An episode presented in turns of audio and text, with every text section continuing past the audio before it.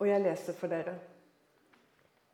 Det kan være en bedre oversettelse enn min 1930, som jeg stadig henger ved, enn kanskje akkurat på denne teksten, men nå ble det slik at jeg valgte den likevel, fordi vi skal innom andre ting også. Men der står det, i min bibel For fikentreet springer ikke ut. Og vintrærne bærer ikke. Oljetreets frukt slår feil. Og markene gir ingen føde. Han har utryddet fårene av kven. Det er ikke Gud, altså. Og det finnes ikke fe i fjøsene. Og så kommer denne merkelige konklusjonen. I ett vers så klarer profeten å beskrive, i hvert fall hvis du er bonde, total ruin. Alt har slått feil. Vintrærne, oljetrærne Det finnes ikke kyr igjen. Alt er brakk. Men så kommer denne underlige konklusjonen i neste vers. Og det er sånne ting det er viktig å legge merke til i Bibelen. Disse merkelige overgangene. Og ingen overgang som jeg kan komme på her jeg står nå, er rarere enn denne. Men jeg vil fryde meg i Herren. Og ikke nok med det. Jeg vil juble i min frelses Gud. Herren Israels Gud er min kraft. Han gjør mine føtter som hindene. Og han lar meg skride fram over mine høyder til sangmesteren med min strenge lek. Er ikke det fantastisk? Det er så mange ganger jeg har latt meg fascinere av den overgangen. Og det er så, det er så mye å lære her. Tenk bare på Jesaja 45, kapittel 45 så står det også noe ganske underlig som vi har sitert mange ganger, tror jeg. Og det er dette at 'jeg gir deg skatter skjult i mørket'. Har du lest det? Men hvis du ser det på hebraisk, så står det Og det er faktisk enda litt mer dramatisk. For der står det 'jeg gir deg mørkets skatter'. Hæ? Mørke? Fins det, det, noe sånt som mørkets skatter? Ja, ifølge Bibelen så gjør det det. Det fins ikke bare skatter i mørket, men mørket er bærer av skatter for oss. Og det er så fort gjort å glemme. Når vi må inn i tunnelene, når vi må inn i de trange passasjene så Vi vil jo ikke dit. Det er jo forståelig. Men det Gud vil at vi skal lære å forstå, det er at natten er som dagen. Salme 139 så står det at selv om du sier 'la dagen bli som nattlig', om mørket skulle komme over deg I betydning 'jeg orker ikke', eller Skjønner du? Det kommer et mørke så står det at natten er som dagen. Det finnes intet mørke for Gud. Men han vet jo at for oss så blir det mørkt. Det kan bli mørkt. Men det er viktig at vi forstår at han har total kontroll. Han har absolutt kontroll. Og den boken i Bibelen som er kanskje den beste på å åpenbare denne skatten, det er Jobbs bok. Og Jeg har vært innom jobb mange ganger og nesten ikke kommet ut igjen. Og så blir jeg litt tvunget inn igjen nå, fordi Kanal 10 ville at jeg skulle komme og ha en samtale om jobbsbok. Så da måtte jeg igjen ta opp jobbsbok, og jeg har absolutt ikke kommet ut igjen. Og jeg håper du blir ført inn for å ikke komme ut av jobbsbok. Fordi det er så mye akkurat dette som åpenbares her. Både Guds totale kontroll Og du vet, vi kvinner vi kan, Er det lov å være litt generaliserende og si at vi kanskje har litt lettere for å bekymre oss og, og bli litt sånn der kontroll og Kanskje menn er det på en annen måte, da. Men vi kan bli litt sånn der kontrollfrik, nesten. Liksom, det er litt sånn Sånn, vi, vi, skal ha liksom en, en fot med overalt. Og liksom litt for manipulere litt for forsiktig. Sånn, da. Vi, er, vi lar oss bekymre og uroe. Og jeg tenker litt på den innledningen din nå. Martha, ikke sant? Og så kan vi si litt sånn at ja, men Martha hadde den legningen. Og det er nok litt sant at Maria og Martha hadde litt forskjellig personlighet. Og om ikke legning, men i hvert fall personlighet. Men jeg tror kanskje at evangeliet vil at vi skal se noe mer enn det.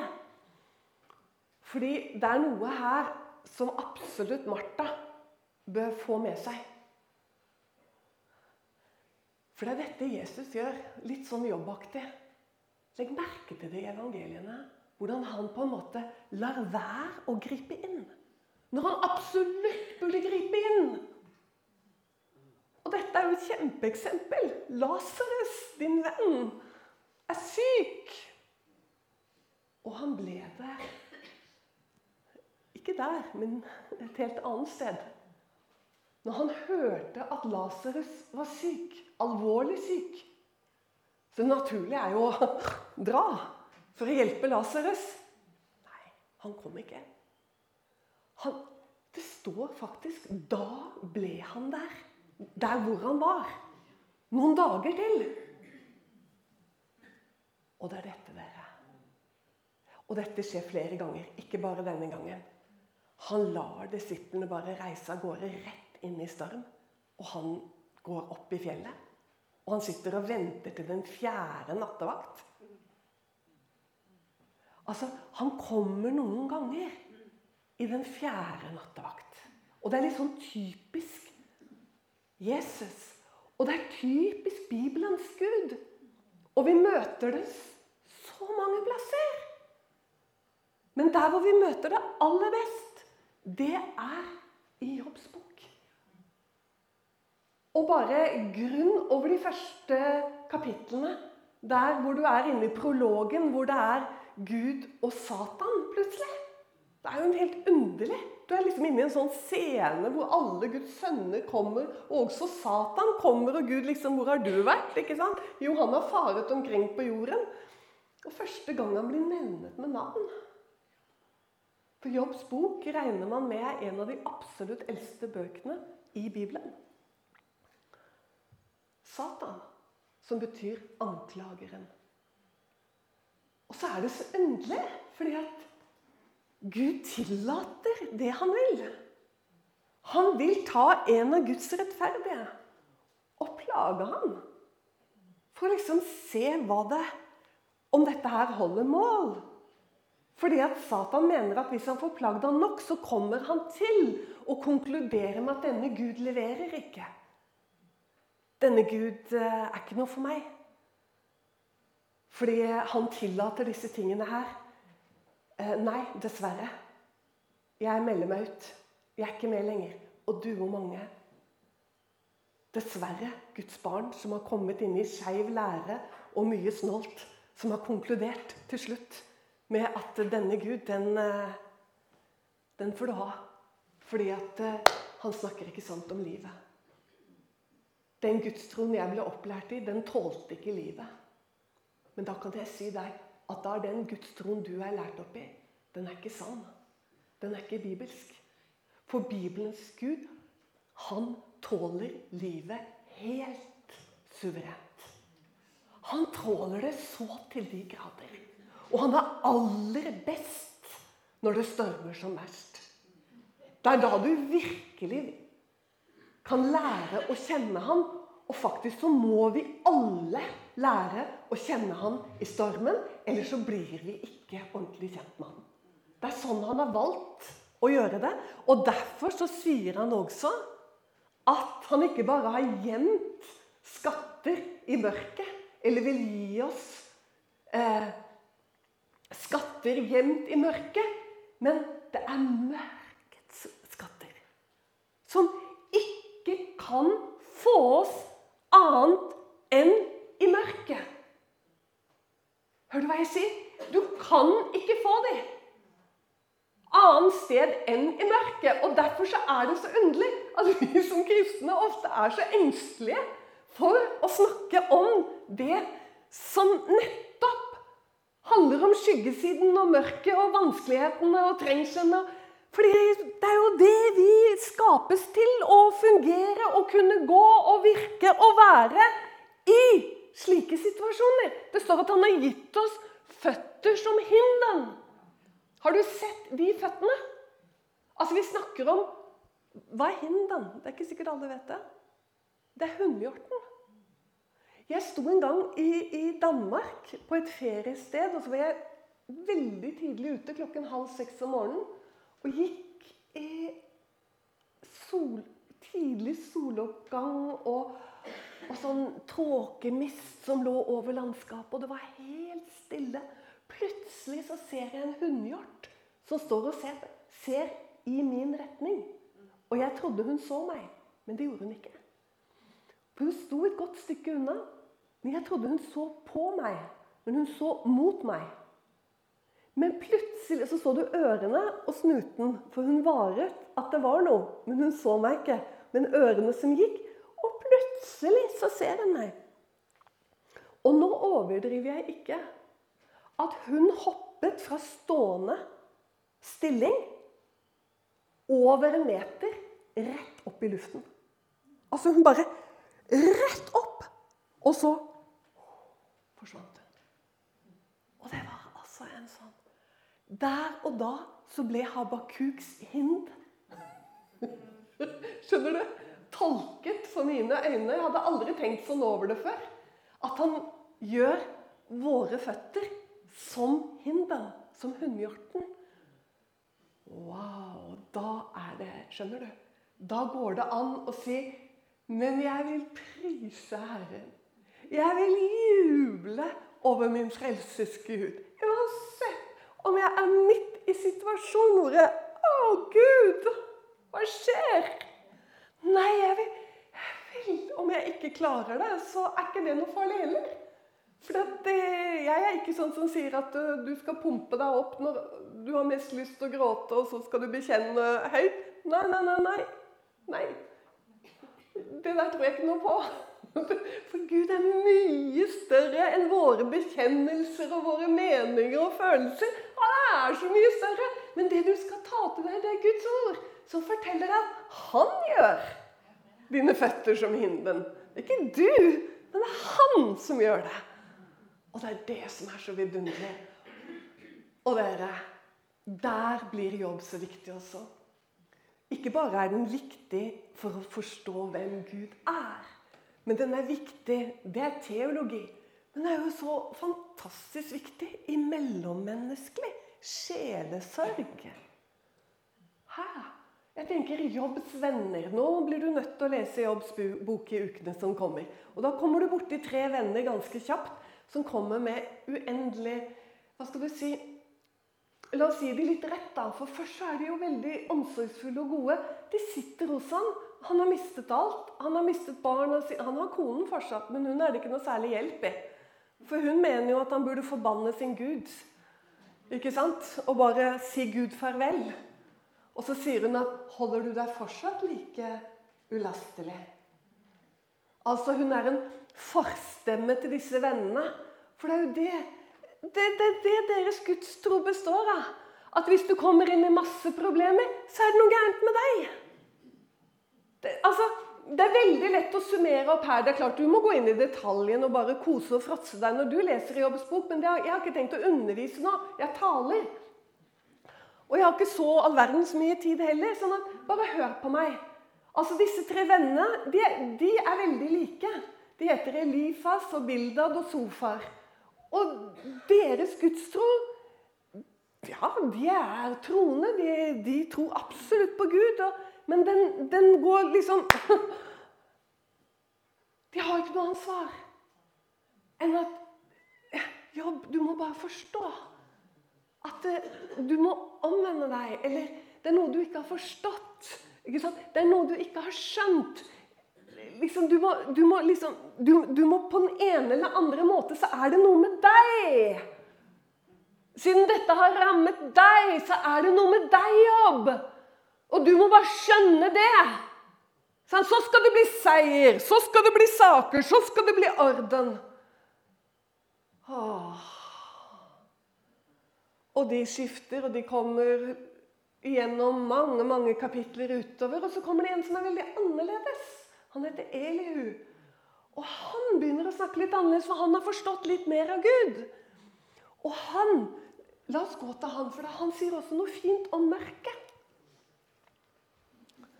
Han har lært å kjenne Gud litt mer enn disse andre, som egentlig Egentlig så er jo jobb litt på samme sted. Fordi jobb prøver på en måte å rettferdiggjøre seg overfor dem.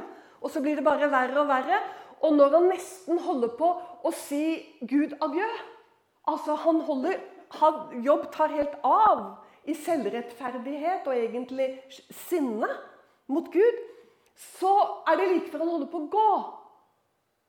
For det merker du. For han sier det at Jobb sier det at eh, hva, hvilke gagn har et menneske av å tro? Hvilke gagn har et menneske av å tro på Gud? Når det går de urettferdige og de ugudelige Det går jo de bedre. Se hvordan de blomstrer.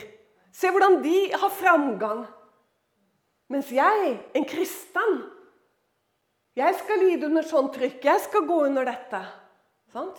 Og hvor mange søster og bror du som har vært der oppi tankene sine. Og Asaf i Salmenes bok. Han var der, han òg. Alle kommer liksom litt innom her. Asaf han, han, var, han var, der så intenst at det står det var like før han glapp. Altså alt glapp. Troen glapp for han. Fordi han så hvordan det gikk de ugudelige vel. Og det er dette jobb står fast ved. Og de sier 'Å nei', da. Å nei, sier disse andre vennene. Nei, nei, nei. Det går de rettferdig, de går det, de går det vel. De har seier, de har framgang. Og har de ikke det, så er det et eller annet rart med dem. Du skal stå i seier. Du skal stå i tro. Og det er jo på et vis sant. Gud er jo god. Han beskytter oss. Han etterjager oss med miskunn. Så det er jo sant. Det er jo sant. Og etter etterjage, det er den Gud som sier at 'Bi på Herren, Israel'. Vent på Herren. Dette er helt sant. Gud slipper deg ikke. Men du verden, han vet hva han er god for. Derfor så fører han deg inn i tunneler og situasjoner og mørke og omgivelser. Så du tenker at 'dette kan ikke jeg klare å bevege meg'. Jo, du kan.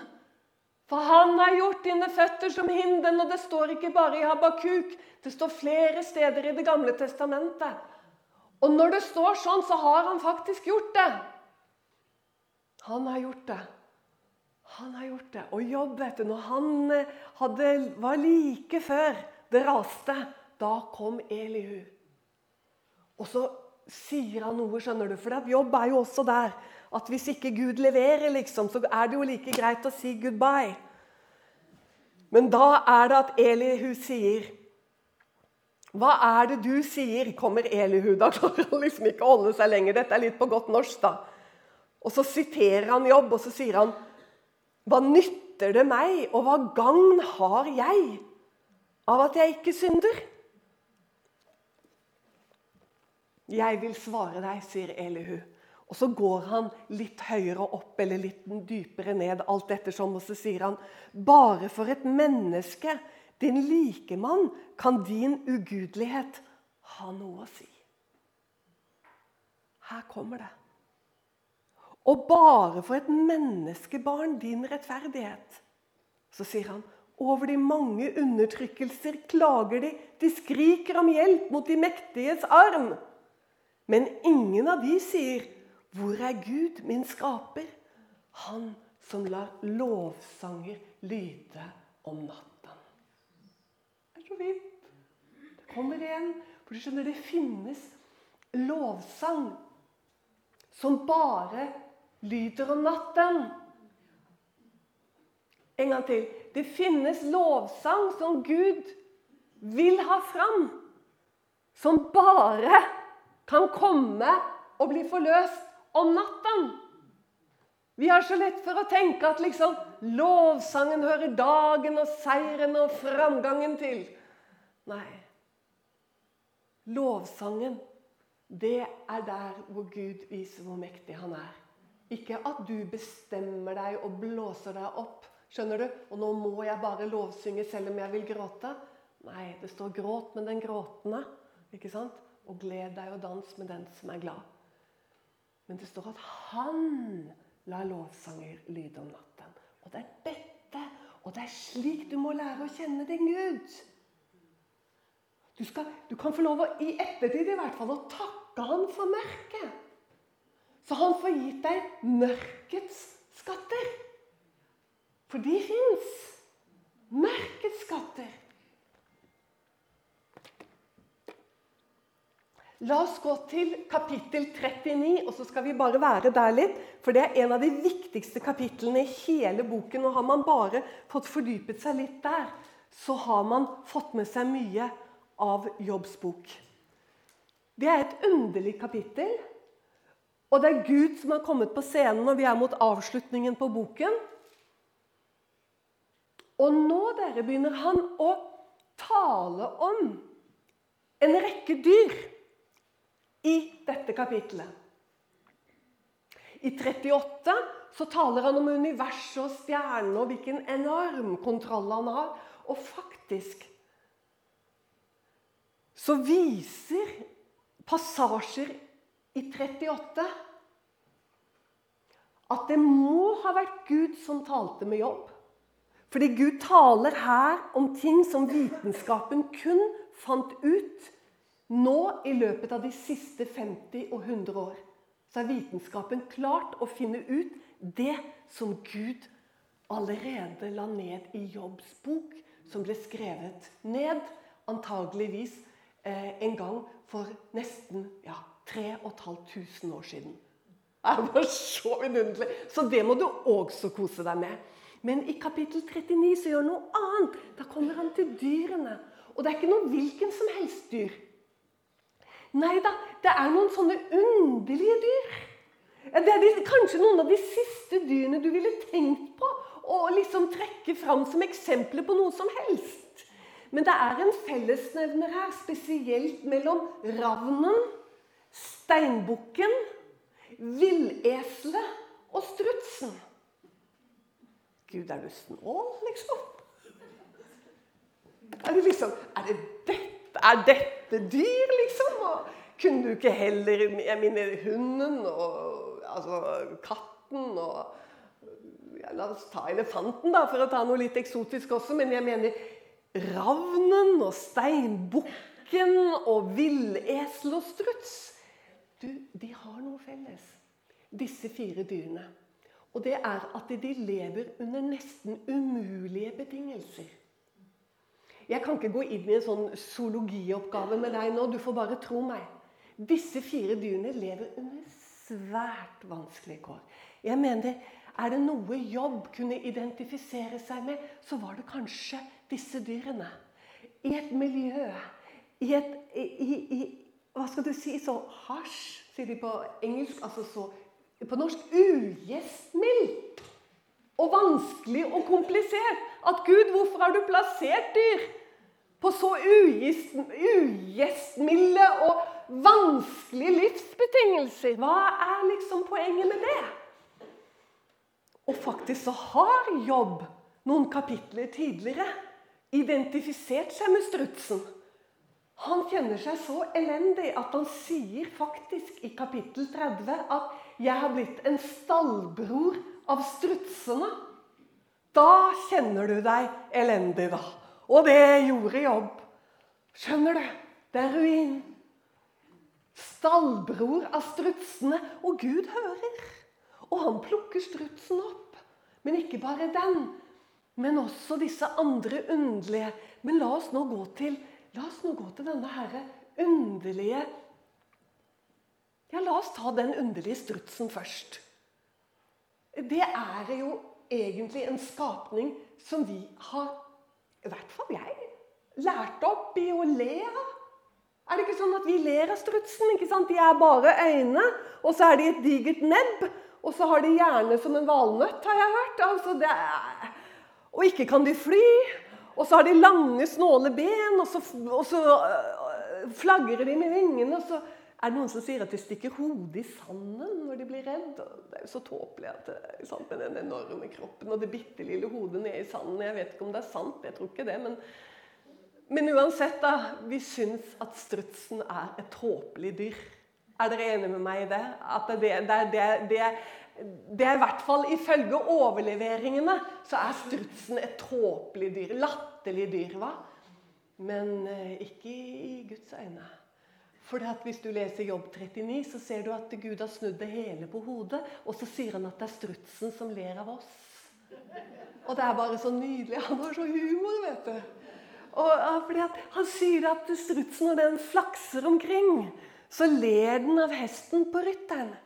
Og hest på rytter, det er alltid menneskets kontroll. Altså vårt behov for kontroll. I Bibelen er det alltid bilde på det. Det er kjødelig kraft. Hester og rytter i Bibelen er alltid kjødelig kraft og kontroll. Og strutsen, sier Gud, den har ikke mors kjærlighet. Den legger jo bare eggene sine ned i sanden. Og så flagrer den av gårde. Og det underlige vet du, er at dette er sant.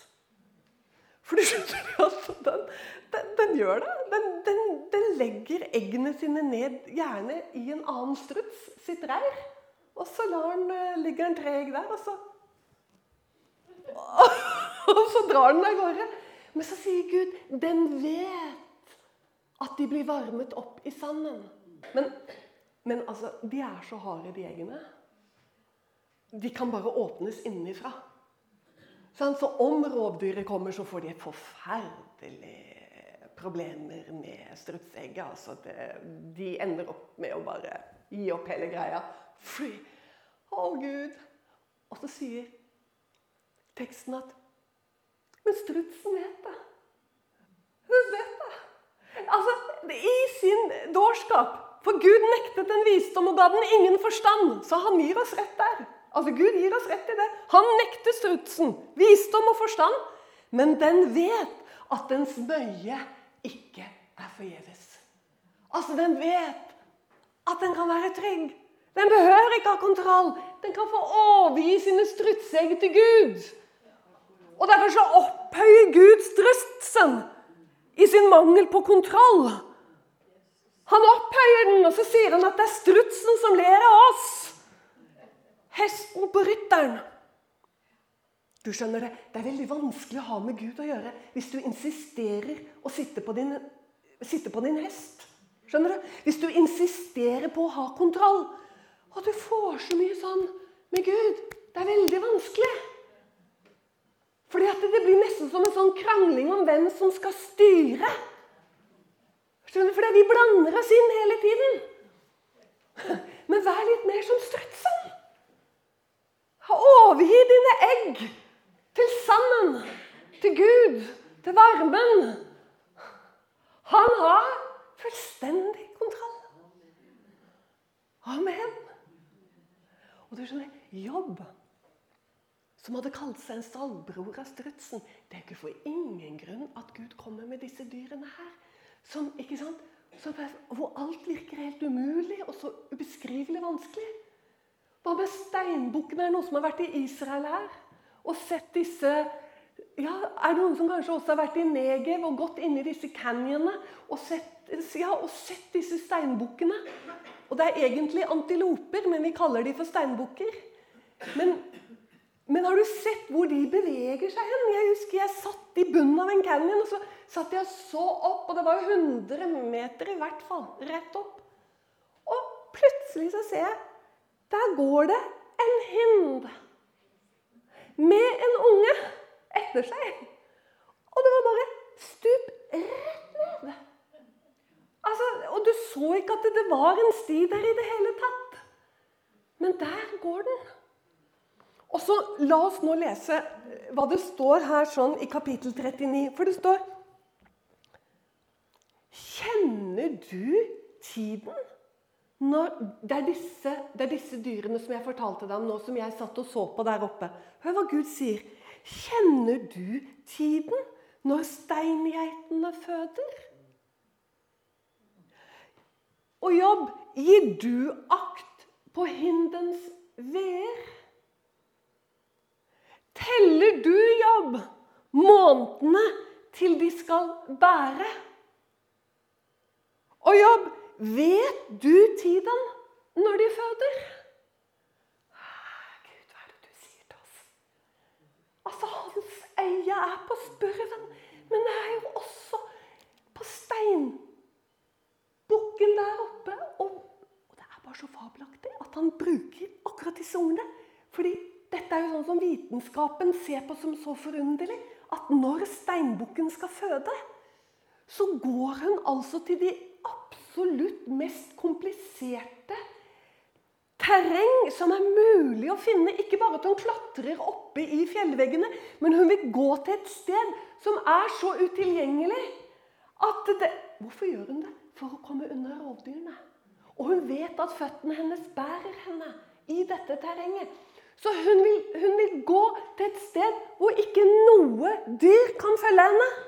Hun går fra flokken sin. Bare det er jo å bli kjempesårbar. Hun går fra de andre. Sånn, de kan jo være med og hjelpe henne hvis det kommer rovdyr. Så kan de holde rovdyrene unna. Nei, hun går bort fra flokken. Men ikke nok med det. Hun går til et sted hvor ingen kan følge henne. Og der føder hun. Og så sier Gud til Jobb, 'Jobb, vet du Vet du når steinbukken skal føde. Og ja, har du talt dagene? Vet du? Er du der, Gud? Så sier Gud til Jobb vet du, Jobb, jeg ser nok din sak også. Jobb, jeg ser nok din sak også. For du skjønner, ikke bare vet jeg når hun føder.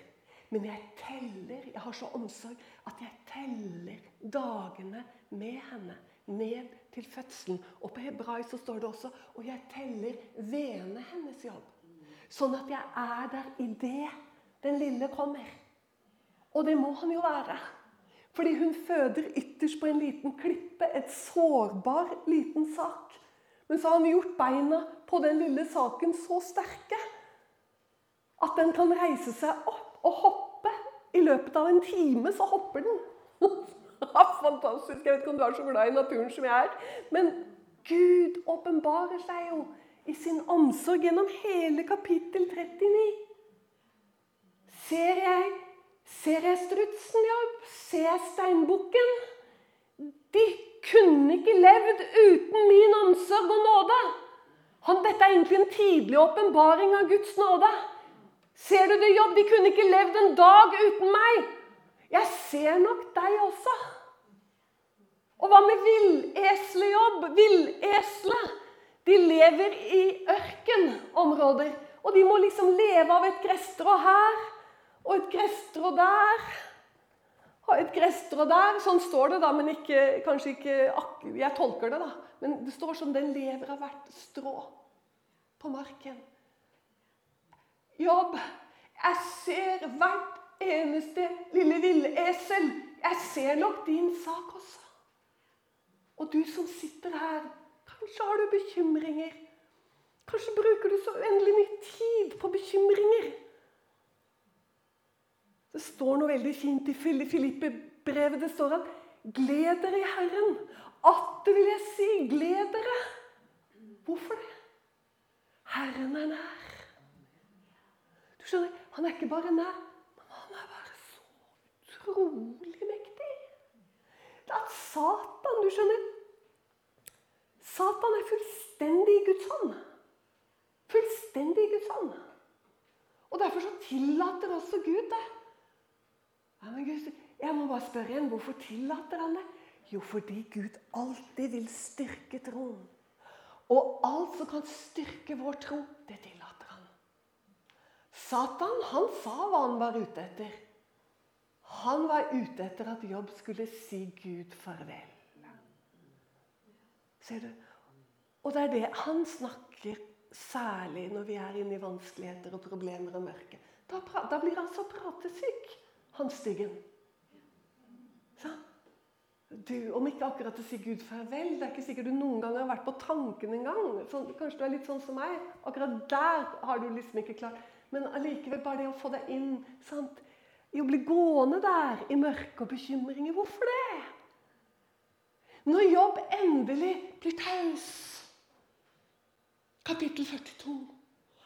Og det er litt sånn, Da holder han seg liksom for munnen, og så er det sånn Å, Gud! Jeg har talt om det jeg ikke forsto. Og så sier han Jeg har talt bare om det jeg hadde hørt om deg, det jeg hadde lært. Så sier han, men nå, etter dette her, særlig dette med dyrene, så sier han, men nå har mine øyne sett deg. Og det er så flott. Du skjønner, For at du virkelig, dine øyne skal virkelig se Gud, så må du inn til mørkets skatter. For det er der han åpenbarer seg. Virkelig. skjønner Du Du kommer ut igjen nå. Men så ser han at kanskje du må inn igjen en tur. Ja. Bare det ryktet, sa han deg, eller bare det jeg hadde hørt, og det jeg hadde lært om deg, Gud. Akkurat sånn sier Jobb. Kapittel 42. Så sier han Men nå har mine øyne sett deg. Jeg har jo talt om det jeg ikke forsto. Og du, Noen ganger så lurer jeg på om noen faktisk taler om ting de ikke helt har forstått. Liksom Hvor de lærer andre at de må gjøre sånn og de må sånn. Og, de må, og det blir jo, troen blir jo helt anspent og kjempenervøs. Og, skjønner du? Ja, du? Det er jo ikke bare i Gamletestamentet, det. Jeg hører det i nytestamentlig tid og jeg. Liksom Det er sånn, og du må tenke sånn, og du må prate sånn, og du må gjøre sånn. og og, og sett foten på den og telt til ti, holdt jeg på å si. Liksom. Det blir litt sånn en magitro, da. Men hjelpes, da gjør vi jo Gud bitte liten. Han er jo mye, mye større enn det. Han er helt kolossal. Han bærer deg på en ene ytterst på lillefingeren. ditt liv passer helt perfekt. Det tåler hele livet ditt, og vel så det. Vanvittig mye mer. Så han bare Nå har mine øyne sett deg, sier han. Og så sier han at han, på, på, på, på, engelsk så står det 'marvelous'. Altså, du, Gud, du har vist meg marvelous. Du har vist meg helt fantastiske ting. Å, få se Gud. Og det er det han vil for oss, dere. For hver og en av oss. Ikke vær redd for natten, ikke vær redd for mørket. Jeg forstår at du blir redd. Jeg skjønner at du blir redd. Men allikevel så sier jeg deg at du har en Gud. Han etterjager deg med sin godhet. Og noen ganger er den godheten bare at han vet hva han driver med. Han styrker troen din. Han vil at du skal bli stående til Jesu i dag. Du skjønner, Det er det han fremfor alt holder på med. De tenker liksom, det er en del sånn litt søte unge som ringer meg, og som kan være litt nervøse og skal de ha litt råd. Og sånn, og så sier de å Eva, jeg skjønner ikke om jeg skal gå dit eller jeg skal dit. Hva skal jeg gjøre, Eva? Så sier jeg klarer du bare å slappe av? At om du går dit eller dit, så er sannsynligvis Gud med. Og, og kanskje så ble det du trodde var B og ikke A, det ble kanskje det beste av alt. For hva du vet. Sånn er min Gud. Han er så stor. Han er så stor. Og det er så deilig, og det er så skjønt. Og jeg fikk så lyst til å si halleluja. Jeg blir så glad. Han er så stor. Og nå, dere, bare for moro skyld, så skal vi avslutte med å få se på hinden. Og da er det hindekyllingen som akkurat er født nå for noen dager siden. Og som er jaget av en, et rovdyr. Får du på lyden, så er det ganske fint. Hvis ikke, så er det ikke farlig. Se på den.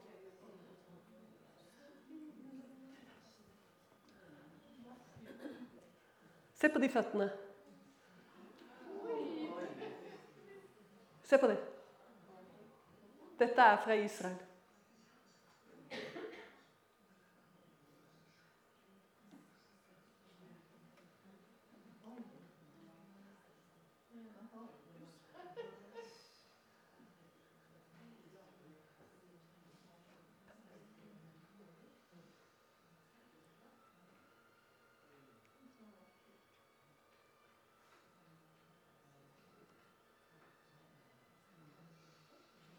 At den er født for noen dager siden.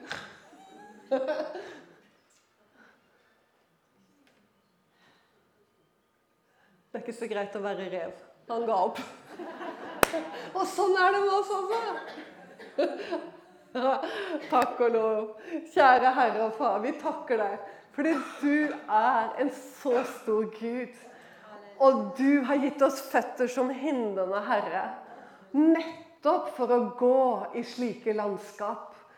Jeg takker deg som det står i Habakuk, at du har gjort mine føtter som himmelen, så jeg kan gå over mine høyder til Mesteren med min strenge lek, hva nå enn det er. Men det må være noe med gleden oppi dette over å se hvordan Han dyktiggjør oss til å ferdes i alle slags forhold og omgivelser. I Jesu Kristi navn.